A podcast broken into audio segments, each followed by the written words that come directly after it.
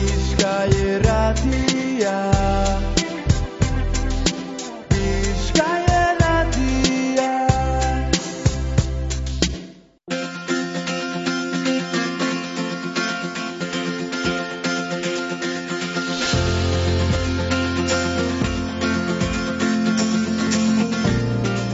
Benetako izena proiektua aurkeztu gura deutzuegu gaur. Kulturarteko harremanak, e, kulturarekiko errespetua, alpinismoa, bidaiatzea, kontzientziazioa, horre guztiak ustartzen da bezan ekimena dala esan genke.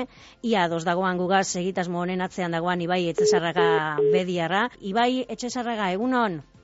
Egunon, bai, e, zer moduz? Ondo, zeupe ondo? Bai, bai, oso ondo, bentze zuen zain. Eh, hainbat ideia eh, batzen dauz, eh, zutarteko beste mendizale batzuekaz bultzatzen zabizien eh, benetako izena eh, proiektuak, batzuk aipatu dudaznik, eh, kulturarteko harremana, kulturarekiko errespetua, alpinismoa, bidaiatzea, kontzientziazioa, ez dakit eh, horrek ustartzen dauazan eh, zuen proiektuak, edo beste ripe gehituko zeunkien, beste definizio, edo beste ideiaren bat gehituko zeunken.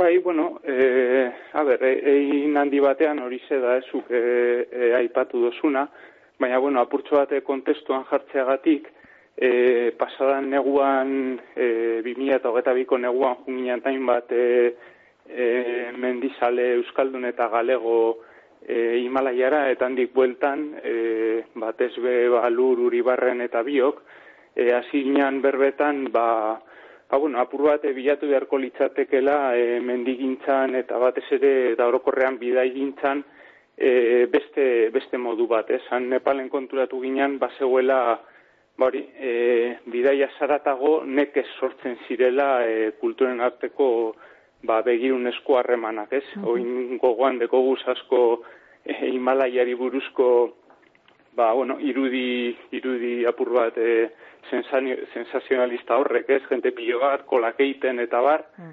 baina guri, ba, mingarriagoa edo atxekabe puntu hori sortu jakun, e, ba, nekez sortzen dalako harremana, e, bertako kulturen, hizkuntzen nango jentean eta eta gu bizitarien artean, ez? Mm Eta orduen, ba, bueno, e, hasinan pentsetan aber zer ingeinken, eta hortik sortu zan benetako izenak proiektua, e, ba, elburu horrekin, ez, sortzea ideiatxo bat edo proiekturen bat, e, ba, begirun esko harremanak sortzeko kulturen artean, eta batez ere, ba, apurtxo bat, e, ba, hegemonikoak ez diren kulturen artean edo bigarren mailan kokatu kokatuten diesan e, kulturen artean. Eta ibai lehenengo e, aletxoa edo esango dugu e, liburu baten gauzatu dozuela eta liburu hori e, kafe antzokian aurkestekoak sarien e, ilonen amaieran konta iguzu zelangoa dan liburua eta zer kontetan dozuen liburua ze gainera txarto espanabil e, euskeraz eta nepaldarrez e, idatzita dago, ez? Bai, bueno, hori e, zinbestekoa nolako asmoa dekon proiektu baten, eta, eta elkartu ginu zen Euskal Herriko e, bederatzi ilustratzaile e, gure inguruan, e, ba, eta plantea, planteamentua izan zen, ba, e, ilustratzaile bako txari emotea Euskal Herriko eta Nepaleko errealitate baten e, ba, marrazkia, ez? Batzuk e, herriak, e, janariak, e, erlijioa eta mitologia, e, bueno, horrela junginan jokoak eta hainbat eta hainbat e, gai aukeratzen, eta bereiei, ba, bueno, e, guk egindako ikerketaren informazioa pasatu, eta marrastu zuten, e, ba, nola baiteko e, elkarrizketa baten, edo olako ba, bi horri aldeko elkarrizketa batean bakotsak, e, hango eta hemengo errealitatea. Eta gero horri lotua bat estutxo bat idatzi genuen, e, kontestua jartzen, eta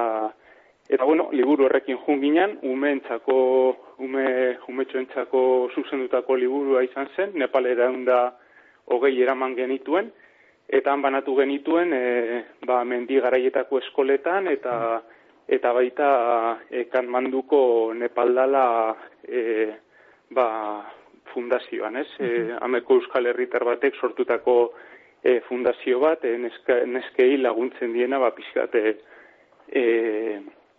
ba, han e, eskola, eskolara joan alizaten, eskuntza bat jasotzen eta eta etxetxo bat ematen ere. E, ibai, esan dozuan, banandu zen duela, baina hemen Euskal Herrian bat emateko hori liburu hori e, eskuratu gubera badau, e, non dago eskuragarri edo, e, ez dakit imaginatzen dut, kafe antzokian egingo dozuen aurkezpenaretan be izango dozu esala eskuartean e, bertan? Bai, e, asmoa da, ba, bueno, norabide bakarreko e, ariketa izetea, ez? Ez, ez izetea bakarrikara Nepalera eramaten dan zerbait, baizik eta Nepaleko realitatea ere hemen ezagutzera ematea. Eta orduan, e, kafean txokiko aurkezpena eta gero izango dugu ba, web horritxo bat jarriko dugu, e, liburuak hemen banatzeko, e, Instagramean ere benetako izenak e, Instagrametik e, kontaktatu, kontaktatu dezakete interesatuak, Eta gero gure asmoa da, aprobetsatzea, ba, amabi euskal mendizale etorri zirela, bakoitza herri bako, e, batekua, eta orduan, ba, herri hoietan, e, ba, eskoletara ere hurbildu, e, itzaldiak antolatu, eta, ba, bueno, realitatea, e, gukan bizitakoa eta gure historia pixkat kontatzen hasteko. Amaitu beharra daukagu, baina e, ez dut zute galdetu barik itxi gure, e, zuek errebe indikatzen dozue, esaterako Everest mendia Nepaldarren izenagaz baino kolono baten abizenagaz ezagutzen dugula askok, eta Everest beste modu batera ezagutu beharko gendula. Ez da, adibide e, txikitxo bat e, e, ipintearen benetako izena horren atzean zer dagoen.